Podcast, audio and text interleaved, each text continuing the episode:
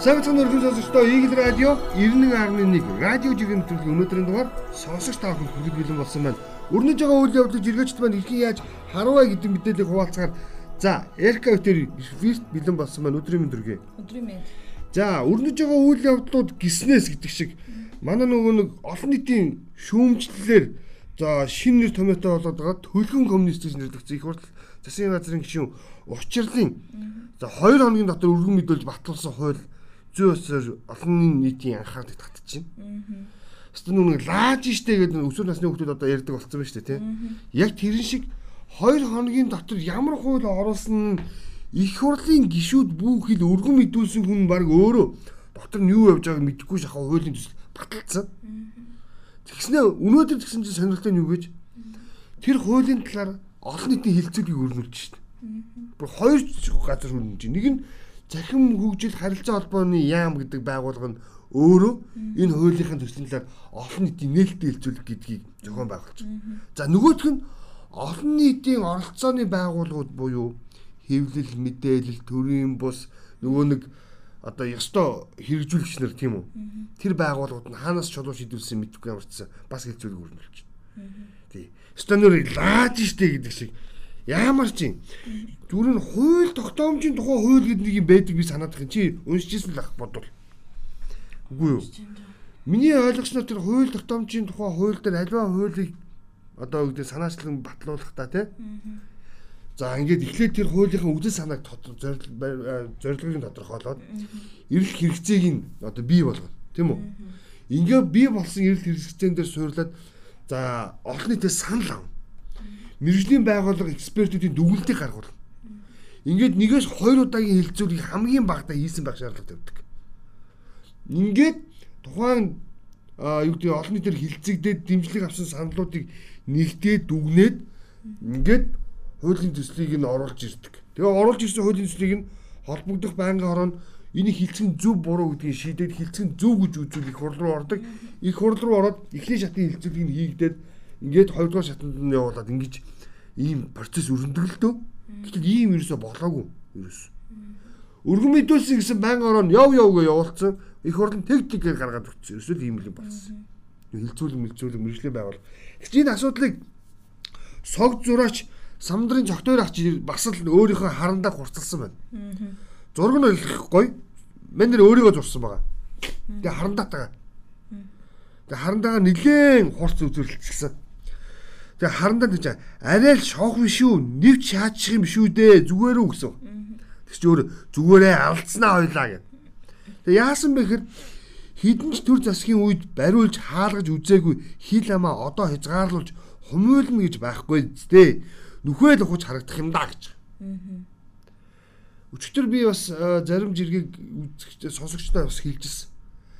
Ер нь аль ч нийгмийн үед үг үзэл бодлоо илэрхийлэх энэ эрхчлөө бол байж ирсэн. Жишээлбэл хагас зуун жилийн өмнө хаалттай их тодорхойтой нийгмийн үед шүү дээ. Нөгөө соц нийгмийн үед нөгөө нэг мундаг мундаг аа нөгөө нэг авиастангууд уран зохиолчид яруу найрагч нар үгийн ард үг хийж үжил бодлоо илэрхийлдэг гэсэн тий. Далд санаа хоёр дахь чутгыг илэрхийлдэг. Ийм л агуу нөхөд байжээ гэж. Гэтэл одоо яаж юм? Э? Одоо чи жишээлбэл энэ хуулийн төслийг юу харсан уу? За олон нийтийн сүлжээнд хүүвний эрхчлөлийг хамгаалах хайрлах хууль гэдэг шүү дээ. Яг зүйл заалтаар нь бол бүр анзаарч хараагүй. Яг өдөр онцлох нөгөө нэг заалтууд байсан шүү дээ. Тэгээд тэднийг л анзаарч харсан. Гэтэ сая та нөгөө төлгөн коммунист гэдэг ярьлаа шүү дээ. Тэгсэн чинь энэ бол би нэрлээд байгаа юм биш. Манай сошиал орчны хэлээд байгаа шүү. Тийм энэ энэ гарцсан байлээ тийм. Учрал оюун эрдэнэ юм Баатар амар эсгэлэн дүрийг бол тод жишээгээр нэрлсэн байлээ шин цагийн төлгөн коммунист. Тэгэд энтэй холбоотой би бас нэг жиргээ байгаа. За. Тэрийг яач тийм үү? За. Энэ отгоож иргсэн байлээ. Энэ бол надад амар үнэн санагдсан. Ингэж улс төрд орсон 80-аад оныхны харахад аан маань хүн гэлтгүү суур философи болго үнэт зүйл зарчим тутмаг эрх мэдэл өнгө мөнгө хөөсрөл хийр хийрхэл дагаад хамбуул адил хийсэж явах түр зур өөртөө хойжглах гэвч маш муу жишээ үлдээж нийгмийг гэгэрүүлэх шалзруулж байна гэдэг. За яагаад ийм бодолд хүрвч санал нэгдэв? Тэгж сонсол та. Ер нь бол өөрсдийнх нь байгаа байдал нь ийм л шүү дээ. үгүй маш муу жишгийг тогтоож ин тий. Одоо 70 оныхын чинь бас Муу гэдгийг чи юугаар нотлох юм? муу гэдэг нь бол тэгээ зүгээр энэ хатаа өмнөх үед чинь бас тийш нэг улс төрч гэсэн имиж байлаа штэ. Өмнөх үе гэж за за яг би зүгээр энэ дээр чиний ярьж байгаа юм дээр зүгээр нэг ийм л өмнө бас ярьж исэн жиргэнээс нэг зүйл санаанд орчлоо. Ер нь одоо ингээд хүмүүсийг 60 оных нь 70 оных нь 80 оных 90 оных ингэж ангилаад үздэг юм байна. Тэр нүг одоо XZ Gen Z үеийнх ингээд яриад байгаа шүү дээ тэрнтэй адилхан. За нэг 50 60 оныхонд бол үндсэндээ бол юу гэдэг юм бэ? Шагнал үг гэдэг юм байна. Шагнаалаа. Тэднийг шагнаалаа гэдэг. Аа тэгээд түүнээс хойш 70 оныхонд бол ерөөхдөө бол нэг альбан тушаал өгөөл гэж хэлдэг. За 80-аад оныхонд бол 70 80-аад оныхонд бол альбан тушаал үг гэж хэлдэг юм. 70 80 оных ш. За ингээд 90-аад оноос эхлээд хүмүүс болохоор ажил үг гэж ярьдаг. Хий ажил үг. За ингээд 90-аад оноос хойш 2000-аад он гарснаас хойш ажиллах орчныг бүрдүүлж өгөө гэж ярьдаг болсон байна. Тэгэхээр энэ юу хэлж ийм гэхээр энэ дөрвөн үеийн төлөөлөл өөрөөр хэлэх юм бол тухайн хүмүүсийн дутуугийн комплексыг нөхөх арга. Аа 50 60 оныхонд яаж чагнал өгдөг гэсэн хэрэг тэдгэрийг ажил хийлгэхийн тулд тухайн үеийн удирдлагууд нь ямар ч гэсэн сайшаалын бичиг А4-ийн заасан дээр хэвлээд өчтдөг гэсэн. Тэгээ тэр хүмүүс байхгүй юм. Өөрөөр хэлэх юм бол тэр хүнийг тэгээ тооцдох бусдаас илүү гэж хэлэх ямар ч юм үнэлэмж байгаагүй нийгэмд өссөн байхгүй. Тэгэхээр тийм учраас бусдаас ялгарх ингэр дээр нэг сайхан ингээ А4-ийн цаас нагаад өгчих юм бол өө уршаа А тэрнээс хойшгүй үеийнхэн гэсэн чинь нөгөө шагнал итгэхэ болж хэлсэн байна. За манай 70-аад оны. Тийм 70 80-ад оных нь ер нь шагнал итгэхэ болсон. Гэхдээ энэ шагналаас илүү шагнал өгдөг хүн болох юм бол би хүчтэй болох юм гэж ойлгож ирсэн.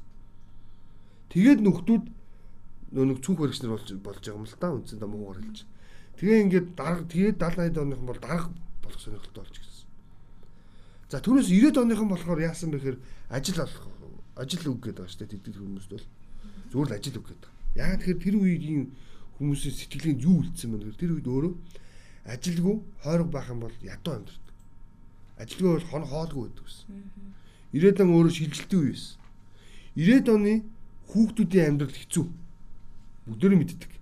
Картын бараа гэж бид нэг тийм бахармаар ч юм шиг, гайхмаар ч юм шиг, аймаар ч юм шиг юм ярьдаг. Тэр үед өссөн хүүхдийн тархинд юу сууж байгаа хүн ажилгүй байвал өлбөж өгөх юм байна ямар ч байсан ажилтаа авах хэрэгтэй байна гэдэг ойлголт цуц учраас 90-ад оныхонд ажил өгч. А харин 2000-ад оныхон буюу өнөө үеийн хүүхдүүд тийм ээ 2000 оноос хойш хүүхдүүд болохоор за ингээд шагнал аваад бол нэмэр байхгүй байна. Тэ? Дарга болоод ч гэсэн лай лай лай. Тэ? Одоо юу нэг ялын нийтлээс ямбыг нүүхгүй байна гэдгийг ойлгож ирсэн юм байна. Тэгээ ажил байгаад үнэлгээ байхгүй бол алга байна. Тийм учраас өндөр үнэлгээтэй ажлах орчинтой юм ажлыг тэдгээр залуучууд эрэлхийлж гисэн. Тэгээд одоогийн нөгөө нэг ажлын зах зээл дээр гараад хүүхдүүд ажил хийж чадхаа болцсон гэдэг шалтгаан чи энэ байдаг байхгүй. Яг нөгөө 2000 оныхын чинь одоо ажилд орж эхэлж байна тийм үү?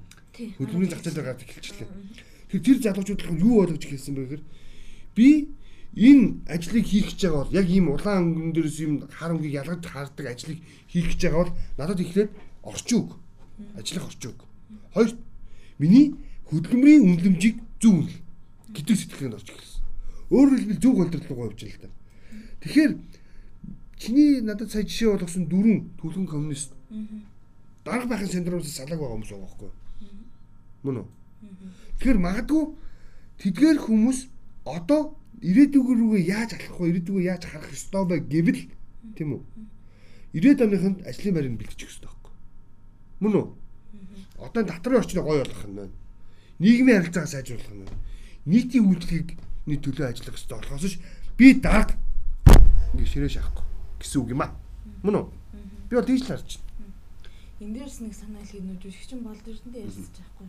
Яагаад ч юм яасан ч нийгмийн сэдвэр хадаа хазаалan хэлбэх юм даа. Тэгээжсэн чи сая яг таны хэлсэн санаа хэлсэн.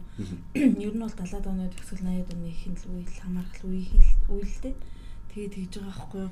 Ер нь бол бид нар юу аа бидний үеийн нэг дутуугаа нөхөж чаддгүй том байшин, том машины мөрөөддөг энэ нэг үеийнхэн ингээд дуусаасаа ингээ алга болж иж шинэ үеийн хин чи шал өөрчлөж би тийм учраас үгүй тийм ирээдүйд ихтэлтэй гэгээлэг байна гэдэгт итгэж байна. Чи угаасаа хүмүүсийн одоо бидний шунал дуусах одоо бидний үеийнхний шунал дуусах том байшин майшингийн машины мөрөөдөл нь дуусах болоог учраас одоохондоо юу бол хэцүү нэ. Хэцүү байна тийм.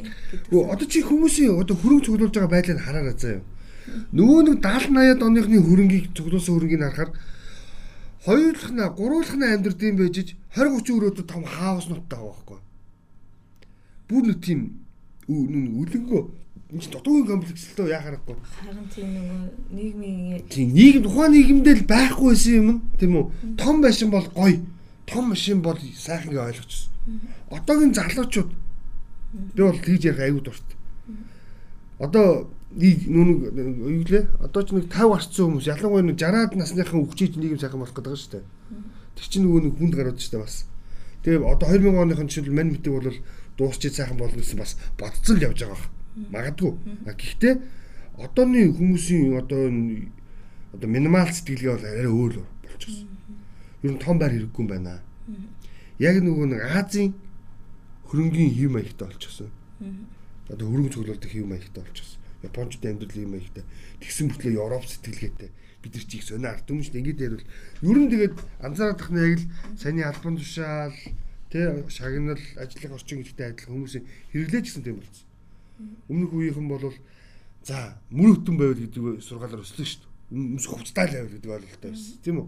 Тийм учраас нөгөө нэг юугаа гагнаа байж дийлэхгүй амар сонь сонь үнтэй үнтэй янз бүрийн хувц өмсдөг байсан. Даардаг ус, хөрдөг ус. Одоо залуучууд бол ганган чухал биш болсон шүү дээ. Өөрт эвтэйхэн зөгцсөн тий. Өдөр болгон саатаа хувц өмсгөн чухал биш болчихсон. Бид эвтэйхэн тий. Өөрт амар юм хэрэглэгдэхүүн бүтээгдэхүүн сонгодог болчихсон. Гişлингийн ярих юм бол зөндөө ярьж болно. За дараагийн жиргээ саруулхны жиргээ. Энэ удаа саруулхан бас нэг л марзын юм оруулж ирсэн бас л талцуулсан жиргээ оруулж ирсэн. Юу гэсэн бэ хэрэг чинь? Би бамбруш кафе гэд нээвэл бамбруш гэдэг нэр оюуны өмчөөр хамгаалагчсан уу гэж байна энэ өгүүлэлтээ одоохондоо хамгаалагддаг байгаа. Энэ хамгаалах боломжгүй одоохондоо. Яа тэгэхээр Монголын баг 5 айл тутмын нэгэнд нь бамбууш байгаа бах тий. Мөн үү хүүхдээ бамбууш гэж өгөхөрддөг. За миний мэдхээр бол нэрийг хязгаарласан орн бол Аргентин л байдаг юм шиг үлээ. Аргентин ч нөгөө Месси гэдэг нэрийг бол хязгаарласан юм биш. Дахиж хүүхдэд өгөхгүй шүү гэдэг. Месси топ клуб бүчин болоод ирэхдээ зэрэгцээд Месси гэдэг нэртэй хүмүүс маш олон болсон. Хүмүүс Месси гэдэг нэрс тэгээд хэдэн он гэлээд саяханаас юм блэ 18 билүү 19 оноос хойш Месси гэж хүн нэрлэхгүй байхыг одоо тийм хориг хориг тавьсан бэл. Тэгээ одоохондоо Бамбруш гэдэг нэрэнд бол хориг тавиагүй байгаа. Тэгээ манай саруулхны гол хилж байгаа санаа юу вэ гэвэл ерхий сайдыг л шүүмжилж байгаа юм л да энэ бол. Ерхий сайд одоос 2 жилийн өмнө ялчиж болно тий. Одоо 2 жил үстэй баг. Жил агсан юм уу? 2 жилийн өмнө шүү дээ. Тий бамбурш кафег нэнэ л гэсэн. Иргэн сэргэн. Гэхдээ өмнөх үеийн дөрвөлжин цогтой дугуй байшинтай одоо бамбурш кафе биш. Хүүхэд залуучуудын ялангуяа бүр тэр дотроо за 2-оос 12 насны хүүхдүүдийн те хүмүүжих өсөх одоо зугаацах хоол идэх гэдэг юу гэдгийг те тийм боломжтой ийм кафег нэнэ л гэж ярьж байсан. Уучлаарай тэгэл тэгэл үлээгэл шүглдэл алга болсон. Тэг өөр хийх ажилгүй юм уу гэж асар их шүүмжлэл үүссэн тий. Гэхдээ энэ дээр яхад одоо нэг хүүхдийн та өсөж үүж хорчин гэж хэлж штэ. Тэнгүүт манай Монголд аягүй том зах зээл бий байгаа. Юу юм блэ? Манайхан бага насны хүүхдүүд зориулсан юм байна заяа. За оюутнууд зориулсан юм байна. Тэр дунд нэг яг нэг өсвөр насныхан биш штэ. Хоёр үеийнх нь байхгүй тийм тийм зүг зүг зүг. Яг тийм байхгүй тэгээ бас тэрийг олоод харцсан газрууд чинь яг тийм энэ Монголд бол асар том зах зээл байгааг ороод эхэлсэн мэл. За яг тэрийг олоод харсан эхний бизнес бол мэдээж PC байсан тий. Тэгээ PC бол өөр нэг сөрөг үр дагаврууд өндөр байсан учраас түрүү хязгаарласан. Тэгээ одоо яхаарахгүй тэр өсвөр насны хөгжүүлэх орчныг бүрдүүлэх газар бол нэлээд том хөрөнгө оруулалтаар тий хий шидэхгүй бол багахан хэмжээний талбайтай газар хий шийдвэл тэр нь эргээд бас нэг тийм донтолтын хэлбэр юм руу орчих гэж би бас хараад байгаа. Чиний хилээд бас харж биш ойлгоол байна л. За тэр яг дараагийн жиргээ. За яг саний бамбуш кафетэй уйлдаад би энэ гамбимбийн жиргээг онцлох гэдэг. Гамбимб юу хэлсэн бэ гэсэн чинь нэг гоё видео бичлэг оруулсан. Тэр видео бичлэгэн дээр Монгол улс шилний үйлдвэртэй байсан тухай видео бичлэг байгаа бүр. Үндэсний архивын газрын юм баримтат кино гэдэг юм байна. Тэгээд 20 гаруй нэр төрлийн шидлийг үйлдвэрлэдэг. Хэмжээтэй, загвар хэмжээтэй. Тэгээд Монгол шилний үйлдвэртэй байсан. Налаахын шилний үйлдвэр 1981 82 онд гэхэд 15 а биш 1500 тонн илс ашиглаад 1.4 сая гаруй ширхэг пиа ундааны шил үйлдвэрлэж байсан гинэ. За энэ илсний одоо эн чинь тэр хагас жилийн өмнөх нийгэмд бол юу байсан гэж юу байсан гэж бүх зүйл шинжлэх ухааны үндсэлтэйгээр зохион байгуулалт хийдэг ус. Налаагч шилний үйлдвэр байгуулахаар нөө элсний орд хэрэгтэй шүү дээ. Элсний орд одоо яг налаах хажууд байна шүү дээ. Улаанбаатартын бүхэл барилгууд одоо юу авч шүү дээ. Нэлс зөөж шүү дээ. Тэндээс нь. Тэгээд бүх юма тооцоолж хийдэг чаддаг байсан байсан байна. Тийм ээ, 40 жилийн өмнө шүү дээ. Нөрдөө. Чи 82 он. Би хэлж хагас 100 жилийн өмнөх нийгэмд энэ юмыг бий болгоцсон байжээ. Тэгээ одоо яагаад бид нар энийгээ хийж чаддгүй юм бэ гэдгийг би гайхдаг. Тэгсэн чинь манай үйлдвэрлэгч нар хэлдэг. За жишээлбэл сав багла боодлын үйлдвэрлэл эрхэлдэг хэд хэдэн бизнес эрхлэгч нар ярьжсэн. Ер нь сав багла боодлын үйлдвэрийг ер нь ингээд заавал бид нар уршаа ингээд хямд өртөхтэйгээд захиалж авчираад байх юм аа. Тэ? Дотоодоо үйлдвэрлэхээр яадаг юм бэ? За ингэдэг юм аа гамбайраа гэдээ надад тайлбарлажсэн. Дотооддоо бол эхлээ сав багла боодлын үйлдвэрээ байгуулгын чухал За тэгвэл тийм том хэмжээтэй ш. Ерөнхийдөө нэг дунд бага орын үйлдвэрээ байгуулад за хоногтой тодорхой тооны юм уу тодорхой одоо тэр чинь нэг хэмжээ дамжинаас хамаарна суур машиных нь машиных нь одоо өртгөөс хамаарат үнэтэй машин авах тусам олон төрлийн хэмжээтэй сав баглаа бодол үйлдвэрлэдэг. А бага өртөгтэй машин гарах юм бол цөөн тооны хэмжээтэй сав баглаа бодлыг үйлдвэрлэдэг юм байна. Тэгээд тэгээд та нар ингээд хятад руу захиж байхаар Энд ч нэг ингээд шууд ингээд гаргаад байх тэр өртгөр нь байж болдгоо мó гэсэн.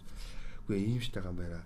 Чи нэг юм ойлгохгүй. Бид нар тий дотооддоо их үйлдвэрлэл явуулаад их бүтээгдэхүүн борлуулаад авах юм бол их татвар төлдөг. Чи яасан юм болоод тэгснээс бид нар баг бүтээгдэхүүн үйлдвэрлээ тийм үйлдвэрлэл явуулж байгаа. Тэгэд үйлдвэрлэлээ өргөдөх нийтлэр зээл аваад гэж байгаа байхгүй. Тэгээ хөнгөлтөө зээлэнд хамрагдаад зээлээ төлөөд баг үйлдвэрлэлээр тийм үү үндсэндээ одоо ингээд үйл ажиллагаа додомдод яваад байна шүү дээ. Харин захиалагчийн их захиалгыг тий уршаа авч захиалчаад тэрүүрээ зүгээр ашиг хийгээ сууж надад шүү дээ. гэж шүү дээ. Сонирн багоз. Сонирн. Тэр манай татрын тогтолцоо өөрөө би муугаар хэлье. Эсвэл лалрын баг үстэй. Чи их л үйлдвэрлэл явуулаад ашиг болоод байвал өндөр татвар төлнө гэдгээд байгаа байхгүй юу? Тэгэхээр чин аа хоногт 100 мянган ширхэг сав баглаа бодол үйлдвэрлэдэг үйлдвэр байя гэж бодъё. Манад худалдаа авалт хэмжээний худалдаа авалт байдаг болцсон одоо харьцангуй сав баглаа бодлын хэрэглэлт хэрэгцээ нэмэгдчихсэн. Гэтэл 100 мянгаыг гаргахаар би өндөр татвар төлөөд байна. Тэгснээс би хоногт нэг 50-ыг ч юм уу те 30-ыг гаргаад үлдсэн 70-аас те 80 мянган ширхэг уршаа захилж. Тэгэх юм бол надад эрсдэлгүй. Өөрөөр хэлбэл би тэгж их түүхий цуглуулах гаад ахгүй байх нь. Тийм янз бүрийн нүүр эдийн засгийн харилцаанд ороод байхгүй байна дээ. Тийм бага үйлдвэрлэл нөөцөндөө би 3% ажиллуул чинь тэр 3-та нийгмийн даатгалын төлөл чинь тий. Тэгээд тэр 3-ын цалин өгч чинь тэгээд 20 30 мянган үйлдвэрлэсэн хэмжээндээ тавлаар татвар ингэ төлөө авчдаг. Тийм хүн харахад үйлдвэр бай үйлдвэр захиалгаар харин захиалагчтай болохоор найдвартай бүтээгдэхүүн нийлүүлчихсэн. Ийм байдаг гинэ. Тэгэл бас л нэг мөн угааж суул нь үйлдвэрчлэлтийг хөгжүүлээгээд нөгөө зээлийн нөгөөд идэв. Гэтэл тэрийг ямар ч өсгөх юм. Гүйгүйгүйгүйгүйгүй чи бол буруу хараад байна. Би бол ингэж аа. Наа бодлогоч нь ингээд төр уйлдахгүй байгаа хамгийн тэмээ юм. Зээлээ өгч байгаа бол нөгөө талд татрын багасгал та гэж хэлгээд байхгүй. Хүн олон хүн ажилуулах тусам олон хүний нийгмийн даатгалын шимтгэл гэдэг чинь алж штэ. Стан нөгөө одоогийн залуучдын хэлдэг лааж ийнэ. Яг одоо хүн амын орлогын албан дотор эрүүл мэндийн даатгалын шимтгэл нийгмийн даатгалын шимтгэлийн тодорхой хувийг тухайн ажил хөдөлмөр ажил олгогч нь өөрөө төлдөг шин мэднэ үстэй. Юу лээ? Хөдөлмөр эрхлэгч нь өөрөө тодорхой хэдэн хувийг гаргаад үлдсэн хувийг нь 15% жилөө байгууллаганд төлдөг шин. Инхээр нүүн би олон хүн ажиллуулахаар эрсдэл өндөртэй болчиход байна шин. гэдэг юм хэлээд байгаа. Тэр нөө бодлого уйлдахгүй байна. Яг үнэндээ. Миний ч гэсэн санаа тийм л дээ. Гэтэ тэр хайр мөнгө ингээл ер нь бол гэсэн л бодол төрөл. Бодлогоо хэлдвэл тэрний дараа уршаа захиалахаа болно л гэж. За бодлого үйлдэлгүй нэг жишээ. Сүхбаатарын жиргээ. Сүхбаатар бас нэг видео оруулсан. Энэ нэг видеон дээр болохоор нэг юм явгууны шатаар нэг бяцхан иргэн одоо цаашаа нэвт гарах гэж байгаа 70 өд. Тэгээ энэ нэг О А О гэсэн за Прус маркийн 43 22 дугаарын машиныг хит тойрлоод артлынхын гүприйг гүрдгэр хит арцсан өрх юм. Бүр ингэ урт хоног бичлэгийн таамхын Сүхбаатарын Твиттер рүү ороод үзэр. Бүр ингэ ингэ бүр ядж байгаа ингэ уушаа хаашаа бүхэлцөөд ингэ. Машин дэргээ айтаахан байрлуулж 50 тий хүүхэд явах газар алга. Бодлого үйлдэлгүй чи нэг жишээ юм. Өөрөөр хэлбэл шат байна гэдгийг тэр жолооч харж л байгаа шүү дээ. Бас нэг харилцаа амралтай байр л да хоорондоо тийм ээ. Энийгээр нэг хүн гаргалтай тийм биз дээ. Энд нэг машиныг өдөржин тавьчихснаас энэ аюу дэлгүүр үүдэнд байгаа шүү дээ. Угаас. Тийм л юм л да цаана хайрлах шүү. Тэгсээс нэг үйлчлүүлж алхаа тэр дэлгүүр рүү орж ирсэн тэр үст. Нэг ийм би өнөөдөр яагаад юм сонь сонь нөгөө нэг F word гэж ярьдаг та хэлэх гээд байна. Ийм сонь сэтгэлгээтэй болчт юм би. Мухал. Тэг зүгээр л өөр хоорондоо жоох уйлдаг баймаар. Тэг энийг би зүгээр энэ мадамын жиргээгээр уйдчих. За юу. Мадамын жиргээ. Энэтхгүүд үхэр шүтэн өнөөхөө идэхгүй. Монголчууд морь шүтэн өнөөхөө идэнэ. Чон шүтэн өнөөхөө бас л буудаад алчна. Тэгээд идэнэ гэж. Яна энэ зургийг би өгөөг байхаа мартчихсан ба шүү дээ. Гэтэ нөгөө нэг юм болтын дэмбэрлэng аа. Гэтэ энэ нэр тийм үстэй. Индигчүүд үхэр шүтэн тий өнөөхөө идэхгүй монголчууд тий морь шүтэн өнөөхөө идэнэ. Бид нар нөгөө ярьсныхаа надад эсрэг хийдэг аюу сайн. Тэгээ тэрийг өөрсдөө аюу гоё тийм цагаатгадаг тий. Юу гэдүүлээ? Аа оо хагоо юу цагаатгадаг лээ. А буруу ярьж зүв ойлгодог. Тэг нэрэл энэ шүтдгийн бол тэр амтнаа тэгээд хурдан машин хүчтэй буугаар хөөж очиж алаад ах ямар ч яах тий Яамар чи одоо би бүр ингэ заримдаа бүр яг ингэ бодохоор бүр нэг тийм нэг юу байх. Нэг тийм харахгүй бүдүүлэг байгаарэ байгаад байгаа ч юм шиг. Гэтэ энтгэхгүйдээс дээр байгаа юм шиг Яг. Гэ зүгээр л ядаж л. Тэр өхрийг энтгэхгүй энтгэхгүй ч ухаантай шүү дээ. Яагаад гэж тэр халуунд мах идэж үнхрээд яах вэ гэж бодож шүү Тэнгууд зал гаргаад нөхдүүд үхрээ шүтчихэж байгаа байхгүй. Энтгийг төцсөн монголчуудаас нөл мах өмнөх юм өртөг гэдэг байна шүү. За ингэж ярил энийг өөр асуудал заа. За альма бас нэг ер нь бас монголчуудын бас хэрэглээд холбоотой бас л бас л бодвол бодгоор жиргээ оруулж ирсэн бэл. Энэ нэг Япон олны ресторан нэг монголчуудад зориулсан ийм ширээний танилцуулах хуудсыг ширээн дээр тавьдаг юм байна. Тийм. Тэгээ тэрэн дээр нь шүвшиг хэрхэн зөв идэх вэ гэдэг юм зурагт хуудас байж. Савхаар барина нэгт тий. Тэгээд тухайн загсны махыг будаатайгаа холино. Мөн үү? Ингээд холбогдох 100 болон васаби нэр төрлийн амтлагч нь савхаараа хутгаж ингэж хольж иднэ гэж. А тэгсэн чинь хориглох зүйлс гэсэн чинь яасан бэ гэсэн чинь хуруугаараа аваад тэг махаа аваад будаатайгаа нийлүүлж бариад те ингээд дүүж идэж болохгүй гэж байгаа юм. Тэг яамар чи Тэгээ энийг альма юу гэсэн гэхээр энэ нэрэ монголчуудыг жоохон доромжилсан уу үгүй юу гэдэг. Бид угаасаа ийм л байгаад байна л да. Тэгээд яамар чи. Үнэхээр би бас ингэж боддог ус. Нөө зөв хүний үйлдэл бурнаас даалтсан зөв байдаг гэдэггүй. Энийг яагаад ингэж бичих хэвээр юм болоо гэж би маш их боддог байсан л да. Эснэр бичээс аргагүй юм байна. Үнэхээр бас л манай энэ ариун цэврийн байгууламжаар үйлчлүүлдэг те нойлоор нийтийн нойлоор үйлчлүүлдэг иргэд маань бас л нэг задгааштай задгаа сэтгэл шүү бас л сэтгэлгээ шиг тэгээд за диаметр нь ойролцоогоор 40 40 байдаг юм уу? Суултар чинь дунджаар ер нь хэд байдгийг мэдхгүй нэ за нэг 40 40 50 л байгаа үстэй диаметр нь тийм ээ? Суултарны диаметр. Тэрийг л ондгоо юм да. Тэгээд бас манай энэ үйлчлэгээний ажилтнууд бас хилдэг. Бас ялангуяа ресторан, нийтийн хоолны салбарт ажилладаг. За энэ ийм үйлчлэгээний ажилтнууд хэлж. Энэ ариун цэврийн өрөөнүүдийг ер нь бол хин хамгийн их бохирдуулах уу? Ер нь яах вэ гэж. Ер нь хамгийн манай эмэгтэйчүүд амар заваан штэ гэдэг штэ. Яагаад юм бэ? Харахад эмэгтэйчүүд их гоё байдаг штэ ингээд. Хуруугаараа ингээд юм ч хүүж болохгүйгээ будцсан ингээд шил тойл наацсан чухал байдаг. Тэгээд яагаад тэр байгууламжууд орхотон тэр диаметр нь 40-60 см-тэй ямиг тэгээ зааварлаад идэм бэ гэж. Тэгэхээр яхаа харахгүй тэр нэг зөв хүний үйлдэл нүднээс далж гисэн зөв гэдэг үг хэрэгтэй юм бэл. Тэгээ бид яхаа харахгүй ийм энгийн элементарны үйлдэлүүдэд бүр нэг юм бүр ингэ ястал бичиж явах хэрэгтэй юм. Харин тийм би бүр өглөө шок ороод нэгтгэе өглөө шүү.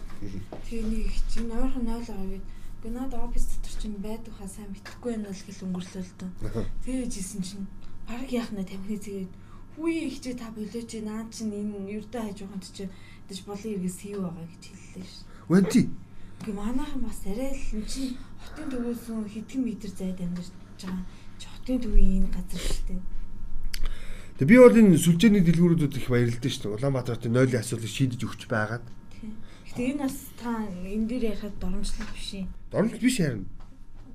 Биш. Үгүй инкээс өөр арга алгаа л гэж хэлэх гэлээ. Манайхан өөрсдөө ийм байдлаар ороод байгаа байхгүй. За. За манайхан гэснээс нөгөө нэг э, Украин Слава Украинчуудад зориулаад нэг жиргээ явуулнаа. Улаан сударж иргсэн. Улаан судар. Тэгээд улаан судрын жиргэгийг харсан чинь тос дотроос өгдөж эхэлж байгаа шиг байна. Яа тэр нөгөө нэг Оросд удахгүй ялагдана гэж нөхдүүд яриад байгаа. Би бол энийг дэмжихгүй байгаа. Зүгээр энэ байдал хурдан дуусаж за улс орны геополитикийн тэр ялангуяа хүнсний тий бараа эргэлт эрчимжээсэй л гэж хүсэж байгаа. Энэ нэг Орос Украиний нөхцөл байдлаас үүдээд энэ валютын ханш хүнсний бараа эргэлт гэдэг зүйл өөрөө Монголын тулгымцсан асуудал үнийн хөрөлт гэдэг зүйл бий болчиход байгаа учраас би энэ зүгээр ямар нэгэн байдлаар хин нэг нь ялхан жохол гэхээсээ илүү намжаасаа л гэж хүсэж байгаа одоо улаан судар хилжээ. Украиний сэтгүүлч Паченко Зеленскийд ханджээ. Өнөөдөр Украины тоталитар улс болсон. Би танд ганц л зүйлийг хэлмээр байна. Бардам зам бол хамгийн аимшигтай нүгэл бүхэлдэн улс таны энэ зангийн төлөөсийг төлж байна гэж онцлог хэллээ гэж. Одоо нөгөө нэг Владимир Владимирович Путинийг бүгдээрээ эсэргүүцсэн, буруу шаасан. Путиний бурангуй бодлого одоо энэ муухар үжлийн уршигыг Орос орнд төлж гинэ гэдээ ярьжсэн. Одоо нөгөө талд нь бас яг тэр гарч эхэлж байна. Хизээч ялагдаж болохгүй гэдэг нөгөө нэг барууныхны гэж хэлэгдээд байгаа гар хөлгөж шүүмжлэгдээд байгаа Зеленский тандсан. Одоо ер нь харилцаа ойлголцсон л гэдэг санаа байхгүй чинь. Буугаад үг гэсэн үг биш шүү дээ. Тэ? Дайныг зогсоох ямар нэгэн шийдлийг эрэлхийлье бүгдөө гэдэг л санаа. Тэгэхгүй энэ нэрээ утга алдаж байна. Асуудалтай. За энэ бас нэг энэ өчигдөр орцсон байлуу бас нэг хуйлж батхуугийн нэг жиргээ байгаа. Чи чамд байгаад лөө би харж ирсэн санагдах юм. Үгүй? Үгүй. Энэ аа энэ нэг ийм ийм асуудал болсон юм аа.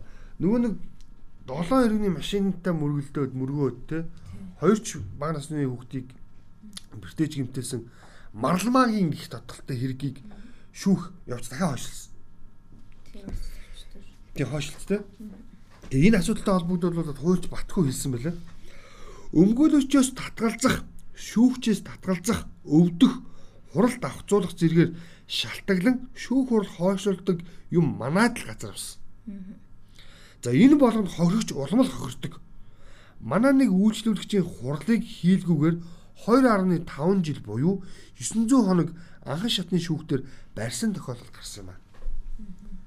Яамар чин тий шүүхэн ч гэж шүүх яамаар ч нэрэ. Угсаа нөгөө хойшлуулах баг аргын жагсаалт гэд байж тийм шүү. Тийм үү? Тэгээ угсаа шүүгч нарын ч гэсэн тодорхой. Тэгээд шүүгч бас юутай шүүгч гинэ өмгөөлөгч бас найзуудтай л та. Тэгээд юу яснаа шүүх хуралцаа гэхдээ юу хойшлох юм аа гэд ерөөсө очихоос өмнө мэдчихтэй. Тэгэл очивол тэрийг яваад Тэгээд ингээд нэг хэрэг дээр явахгүй ш тэд нар ч бас өмгөөлөгч нарт нь ч төвхтэй л гэдэг. Бүтэн жил тойрон. Хөө зовлонтой ш тийм чи. Харин тийм. Хамгийн гол нь хохирож хохирсоор л гэдэг энэ хугацаа. Харин тийм. Тэр л хамгийн аимшигт. За, нэвтрүүлгийн цаг нэлийн авч учраас төсвөлд нь Ганбаяр Лебарти жиргээ явуулнаа. Энэ аюу чухал одоо айгүй олон хүмүүст зориулж байгаа шүү. Өнгөрсөн нэм гарагт хятадын Мохо хатын Мохе хотод Цельсийн хасах 50 градус 53 градус хүрсэн. 2009 оны 12 сард Өвөр Монголын Гинхэ хотод Цельсийн хасах 58 градус бүртгэгдсэн байдаг. Тэр өвөл нь Монголд зуд болж олон сая мал өргөцнийг та бүхэн санаж байгаа хаа. Дэлхийн дулаар л хөвдрөлт хүний нөлөө баггүй гэж.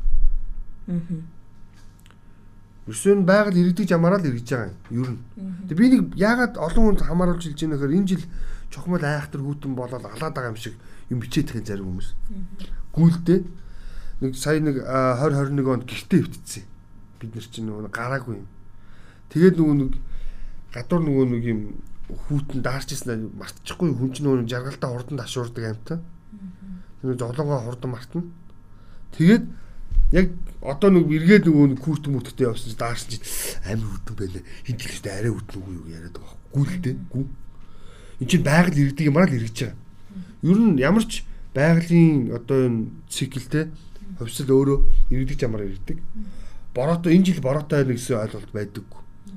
Ер нь ингээд тодорхой жилийн давтамжтайгаар үер өсний давтамж нэмэгддэг. Энд чинь өөрөөр хэлэх юм бол нэг усал явж байгаа шүү дээ.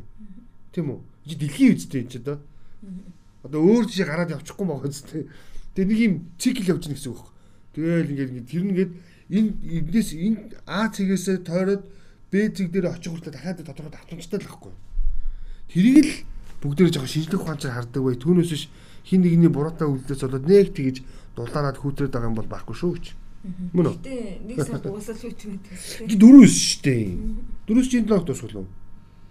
29-ноор дуустдаг хаа? 2 сар. Тийм шүү дээ. Тийм 29-ноор дууссан шүү дээ. Биш 27 дуусгал уу? Тийм 4-өөс тэгээд дуусна. Тэгээд 5-өөс тавьсан будаа хөлдөхгүй гэхчлээ. За 28-аас эхлээд хасах 6 градус руу орж байгаа юм биш үү өнөөс. Нэрэл тэгээд монголчуудын бас энэ арга билгийн тоол бас л мундаг байна тий. Тийм шүү дээ. Гэтэ би нөгөө хүүхэд байхад 9 9 9 ойлгохгүй. Гэтэ 2 сарын 5-наас эхлээл дулаарна гэсэн нэг ойлголттой. Тэгсэн чинь тэр 6-аас эхэлдэг лээсэн. Өдөрлөж байсан юм ээ. Тий шүү дээ. Тэр чинь 6-аас 6-аас зам гарна 7-оос довомтлогоо борлно. 8-оос нал шалуулна. 9-оос ердийн дулаан болно гэж. Тий. Гэтэ би энэ гамаархын ширгэнээс нэг юм анзаарлаа. Хүйтрэлт хүний нөлөө байхгүй бол за дээж ингэж юу яла. Тэгээд энэ 53 гараад сүрхэр нөгөө нэг амар зуд болсон гэдэг. Өөр Монгол 58 болоход Харин тийм. Тэгэнгүүт мэнжлийн бас зодын нөхцөл амар хүнд байгаа шүү дээ. Тэгэхээр цаашдаа бас энэ шиг зод давтагдах хэрэгсэл байгаа мөн гэсэн зүгээр тийм. Бүтэн тийм зөв зөв зөв зөв шүү дээ.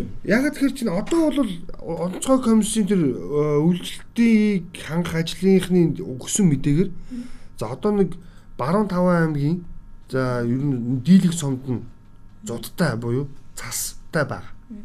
За ингээд миний өчигдрийн уншсанаар шүү 1 сарын 24-ний мэдээгээр за юу. За нэг 68 мянган мал хорогдсон байна гэж байгаа. 68 мянган мал. За энэ тоо цаашаа мэдээж хэрэг өснө. Яагаад тэгэхээр мал төлөлт эхлэх байгаа шүү дээ. Хамгийн аимшигтай нь. Одоо бол эртний ганц нэг мал бол төлөлөөд ингээд ирээвэр хураавар алаг цог бол явж байгаа. Ингээд 2 сартай уралдаад мал төлөлт эхэлнэ. Үндсэндээ 2 3 дугаар сар бол хамгийн үнд сар гэдэг малчтын хувьд бол. Тэгээ цаг агаарын үед тэр яг цасан ч ордоггүй тэгсэн мөртлөө шуураад ингээд хавсрагдаад байдаг балаасаар. Тэгэхээр энэ зудын гамшиг нүүрсийг үүсэхгүй. Тэгээ энэ хэлсэн биш 9 онд 58 градус хүрч яхад тий хүүд Монгол зуд болж исэн. Тэгвэл энэ жил 53 градус хүрчихсэн байна. Тухайн бүс нутаг шүү дээ. Энэ чинь ойролцоо бүс нутаг байхгүй. За Улаанбаатар Монголд бол энэ жил сая Улаанбаатарт хасах 40 төрлөө шүү дээ. 43 өрлөө. Тий 43. Уржигдэр тий уржигдэр шүү дээ. Тэгэхэд завхны баян тест 51 өссөн. 53. 51 шүү дээ. 3 юм уу? 3. Би болохоор энэ хятад мэдээг яагаад онцлсон эн чин Монголд чин 53 биш үү? Монголоос 2 градусаар илүү болцсон юм байна гэж би тэгж надад тэгж тайлбарласан. Аа цаг уурын мэдээлэлээр бол хасах 53 гэжсэн. Гэхдээ бас онцлсон шалтгаан нь ингэжсэн 18 оноос хойших Аха. Хамгийн өндөр. хамгийн өндөр хүйтэн боллоо. Тэгэхээр хүүтрэл өндөр байгаа нөхцөл зуд болох нь тодорхой юм. Тэгэд зөв яг би нэг аягүй муухай тийм юм хэлчихв. Уушлаарай гэж байгаа. Манай малчид тий маха амьдруулаарай тэгвэл тусламж явуулнаа. За нэргэн шүү. За өнөөдрийн дугаар энэ хүргээд өндөрлөе. Тэгээд дараагийн дугаараар илүү олон мэдээлэлтэй өргөд болцоо баяр та. Баяр таа.